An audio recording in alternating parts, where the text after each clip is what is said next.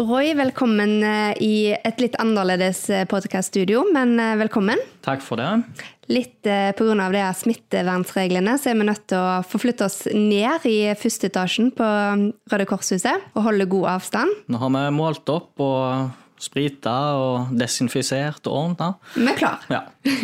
Det er kjempeviktig å ta, å ta de forhåndsreglene, tenker jeg. Og så er jeg utrolig glad for at du har sagt ja til å ta en prat med meg her. Eh, Du har tulla tidligere med at du eh, skulle være med, det har du alltid sagt, men du skulle vente til Vegard Harm eller noen eh, store hadde vært med.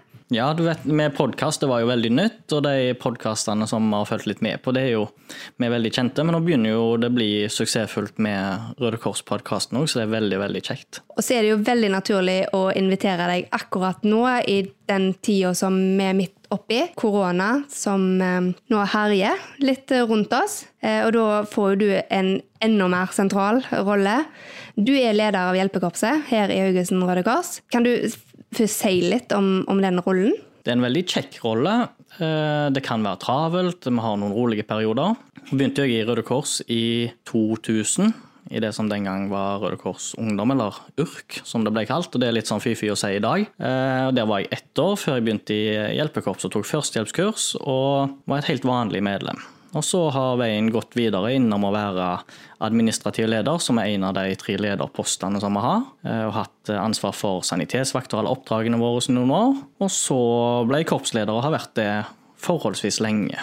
Det høres jo utrolig lenge ut når du liksom sier tilbake til 2000, så kunne vi jo trodd at du var ja, enda mer voksen enn det du er. I Røde Kors går tida fort, en eh, begynner gjerne tidlig. Eh, Noen begynner jo vet i bark når de er veldig små. Så det er en organisasjon hvor vi kan være med hele livet. Men eh, jeg kom jo inn da i forhold til det som var litt spennende med førstehjelp og hjelpekorpset. Gjerne det som trekker folk litt, da, fordi de er veldig synlige. Og så er jo du superengasjert. Det vet alle som er i Røde Kors. Og jeg tror mange utenfor ro vet, vet det og, og kjenner deg gjennom eh, denne rollen. Og så vet vi òg at det er travle tider, sånn som du sier, i perioder. Men kan ikke du, Roy, fortelle litt om hvordan, eh, tider for deg, for hvis vi liksom går tilbake nå 28 uker, der en begynte å vite litt om koronaviruset, som, som eh, ble litt kjent for oss her i Norge, og så på en måte til det liksom da kanskje eksploderer litt. Sånn i Røde Kors-sammenheng. I Røde Kors-sammenheng så eh, fulgte de vel denne situasjonen nasjonalt en stund. Lokalt så tror jeg både Røde Kors og byens befolkning ikke så på dette som noen stor trussel. Eh, Rundt årsskiftet, vi feirte jul, vi hørte at det hadde vært et virusutbrudd i Kina. Eh, Det kunne spre seg, men det føltes ut som om det var veldig langt vekke og veldig fjernt. Og noen tenkte at ok, blir det kanskje gale, så kan vi kanskje trekke noen paralleller til svineinfluensaepidemien som kom. Og på Haugalandet så ramma jo ikke den så oss veldig hardt. Vi, vi fikk jo ikke pålagt de restriksjonene som vi har i dag, så jeg tror det var litt fjernt. Vi forholdt oss til at livet var bra, vi skulle på ferie, vi håpet på en fin sommer. Eh, jobbene gikk bra, økonomien gikk forholdsvis bra. Eh, og så havner vi opp i ja, rett rundt eh, tidlig mars, så eh, begynner jo på en måte eh, en å frykte at smitten skal komme. Den eh, kommer til Europa, vi begynner å bli observante her hjemme, myndighetene begynner å få øynene opp, og Røde Kors nasjonalt iverksetter jo samtidig sitt kriseberedskapsteam. Og ganske kort etterpå så gjør jo lokalforeningene det òg i hele landet. Så idet Erna Solberg går ut og sier at eh, nå pålegger en de strengeste restriksjonene som en har hatt siden andre verdenskrig, så er òg Røde Kors i gang. Ja, men bare litt om det der når du sier at en, altså en setter beredskap, eller setter i gang det. Kan du si litt om hva vil det si? I Røde Kors så tenker en jo eh, beredskap i forhold til å kunne være en støtteaktør for byen og byens befolkning. Avlaste det offentlige, eh, og samtidig òg så er jo mandatet å hjelpe de som trenger det, kanskje uavhengig om, om myndighetene spør om det, når Røde Kors ser at det er et udekka behov i samfunnet. Enten det går på eh, katastrofer og skade, det kan gå på fattigdom. Det er veldig mange ting som havner inn i det mandatet til Røde Kors. Men her gikk det jo mye på, på kriseberedskap i forhold til at en så for seg at eh, samfunnet kunne bli overbelasta, eh, viktige samfunnsfunksjoner faller ut, mange blir syke. En satte jo på en måte worst case scenario som det en skulle jobbe ut ifra helt i starten. Og da sitter det en stab her på Haugesund Røde Kors-huset. Ja, Da organiserer vi det jo sånn at eh, først så har en noen møter, eh, og i takt med at uh, restriksjonene ble innført, så så en på en måte at skal vi jo klare å rigge oss og være beredt her når og hvis helseforetaket eller kommunen ber om hjelp, så må vi legge litt ekstra arbeid i det. Og det vil si at Haugesund Røde Kors satte stab ganske tidlig, og det er en bestemt gruppe med, med medlemmer fra ledelsen som da inngår i krisestaben. Og dere har jeg skjønt har veldig hyppige møter. Dere er utro, altså dere har kontroll på alt som kommer fra myndighetene, Helsedirektoratet. ja. Vi følger godt med på informasjonen. Vi får godt med informasjon fra nasjonalkontoret vårt. Eh, I de første ukene så var det daglige statusmøter, samtidig som en da loggfører all mailtrafikk, alle telefoner inn og ut, sånn at en skal ha full kontroll på den kontakten som en har med bedrifter og det offentlige. Du nevnte jo eh, svineinfluensa, som var Det var vel i 2009, om jeg husker, husker rett. Kan du sammenligne noe fra den tida? Eh, vi hadde de samme plakatene oppe i samfunnet på veldig mange butikker og arbeidsplasser om dette med god hostehygiene og god håndhygiene. Men jeg tror at det var det som var synlig for de aller fleste i byen. Her får vi i tillegg i starten, altså den første uka før nedstengningen, så er en veldig på å henge plakater og passe på Eh, å hoste og, og, vaske hendene. Men så får vi altså en inngripen i hverdagen vår som sier at nei, vi skal ha hjemmekontor, vi skal holde avstand, eh, vi skal være veldig forsiktige, vi skal ikke besøke familie og venner, vi skal ikke omgås. Altså denne sosiale distanseringen da, som har eh, Altså Den rammer oss alle, uansett. Absolutt. Og sånn ut, sitt fra Røde Kors eh, da, i forhold til hva hva på en måte er en redde for i forhold til befolkningen? For du, du sier, her er det jo mange ting som, som griper inn. Hva en ser for seg at nå må en på en måte hjelpe til med? Eh, for Røde Kors er det, er det jo delt i flere kategorier. Eh, det som går på selve kriseberedskapen, gjelder jo på en måte støtten til kommune og helsevesen. Eh, altså legevaktsfunksjoner, eventuell testing hvis det ble kritisk, hjemkjøring av mat, utkjøring av medisiner. En så jo for seg et alvorlig scenario hvor fryktelig mange helsepersonell ble satt i karantene eller syke.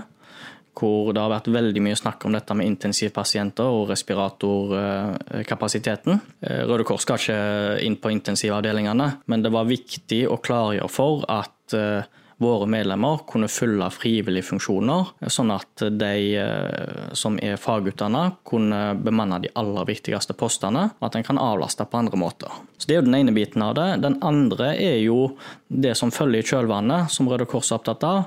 Og det er jo eh, kanskje nummer én ensomheten som kan oppstå i isolasjon. Eh, både for de som er ensomme fra før, som får hjelp, eller som søker kontakt i det daglige uten at vi har korona.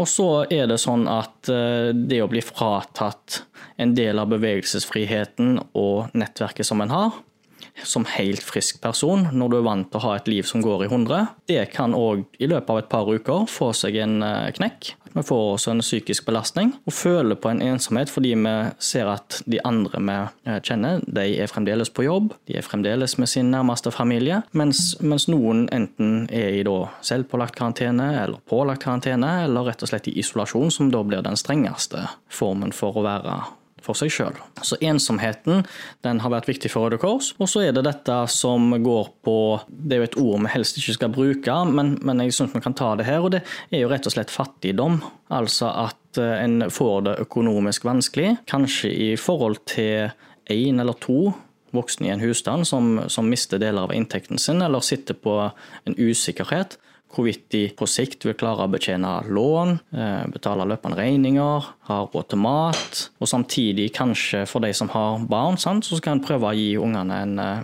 en god, trygg og verdig eh, oppvekst og hverdag, på tross av den situasjonen vi er i. Jeg tror dette med usikkerhet, det, det, ligger mye i det. For er det noe som på en måte preger hverdagen vår nå, så er det jo nettopp det. Denne usikkerheten. altså kan vi, Når kan vi gå tilbake på jobb? Er det trygt å sende ungene på skole, barnehage? Hvordan vil økonomien vår se ut om noen uker? Det er jo ikke mm. snakk om sånn langsiktig. Det, det, er liksom her og nå. Ja, og hvis vi ser på det, så har det jo kommet noen eh, reportasjer i media i det siste i forhold til eh, forbruksundersøkelser, hvor de ser på hvor mange familier i dag er det som allerede begynner å kjenne på at økonomien er vanskelig, at en ikke har den store bufferen å gå på. Eh, og at en føler en usikkerhet på, på vil en klare seg. Og Da har de tatt vekk dette her med at uh, en tar ikke hensyn til at en skal reise på sydenferie til 40 000, men altså komme seg gjennom hverdagen på en ålreit måte. Det preger mange. Det gjør det. Mm. Eh, Roy, du sier jo noe om at eh, for noen uker tilbake så mobiliserte en veldig En måtte forberede seg på verste scenario, eh, og forberede seg godt. Heldigvis så slapp vi på en måte det verste av det verste. Kan ikke du si litt om, om hvis du skulle liksom nå spole litt tilbake, hva du tenker om den tida vi har vært igjennom nå? Jo, vi er kjempeheldige at det gikk så bra. En så jo for seg at det ble mye sykdom, mange dødsfall, eh, at mange fikk det vondt. Og så har det heldigvis gått så bra at i Rogaland så har vi lave smittetall. Og da kan vi på en måte begynne å tenke på å komme tilbake til starten på begynnelsen og normalisere eh, livene våre. Ja, for nå er det jo litt, altså litt sånn forsiktig åpning. Eller ja. åpning av samfunnet igjen. Vi står midt, i, midt oppi det. Skolene starter i dag når vi sitter her og, og spiller inn eh, podkasten. Barnehagene forrige uke. Hva tenker gjør du deg? Jeg syns at uh, mange har sagt det veldig bra. At dette er slutten på begynnelsen, men vi er ikke der at vi er på slutten til å returnere til hverdagen sånn som vi var før koronakrisen rammet oss det er helt fantastisk at de minste ungene fikk begynne i barnehagen, at skolene begynner å åpne, for det gjør det enklere for de voksne i familiene òg med å returnere til sine arbeidsplasser hvis de har mulighet for det og ikke kan ha hjemmekontor. Men så er det som Erna Solberg sier, at vi må fremdeles være forsiktige. Vi må fremdeles ta våre forhåndsregler, eh, fordi at vi alltid kan havne i en situasjon hvor smitten kommer til å blusse opp igjen. Opplever du at eh, vi nå kanskje lener oss litt tilbake, og at det er lett å litt sånn treffe, Når du treffer noen på butikken, så er det liksom Ja. Passer ja, ikke like godt på avstand lenger, og litt sånn ah, Hvor mange kan vi nå være ute på terrassen? Kjenner du på det, eller merker du det? Det var noen andre som spurte meg om dette for noen dager siden, og, og jeg tror at det er en sånn menneskelige greie vi har i oss, som vi på en måte må jobbe litt imot sjøl, og la fornuften styre over følelsene. Fordi det er lett å la garden gå ned. Eh, at vi tenker at eh, ja, nå når vi åpner, vi får gått til frisøren, vi får gått til legen, vi får gått til fysioterapeut og alle de tingene. Eh, bare de siste dagene så, så registrerer vi jo at Karmsens gate fylles opp med bil, butikkene fylles opp med folk. og jeg snakket med noen butikkansatte i dag som sa at de ser en tendens til at folk står og snakker tett. De eh, er tett innpå de som jobber i butikken. Eh, at vi kanskje på en måte er vet ikke om vi skal si uforsiktige, men at vi kanskje ikke er så bevisste det å holde avstand. Fordi I starten så, så vi folk eh, gikk i en annen reol. i stedet, altså En tok veldig hensyn til hverandre, og en smilte og sa liksom 'nei, vær så god, du kan gå først'. Eh, mens nå er vi kanskje tilbake til at eh, det går litt fort i svingene. Og det er jo kanskje litt naturlig, sånn som du sier, at en har på en måte mobilisert, en har vært veldig sånn i beredskap. Det har nok de fleste av oss kjent på. Og så får en liksom noen signaler på at eh, dette, de tiltaket har virka, og så er det jo fort gjort. Men da er det jo kanskje veldig viktig at vi kan snakke litt, altså snakke litt høyt om det.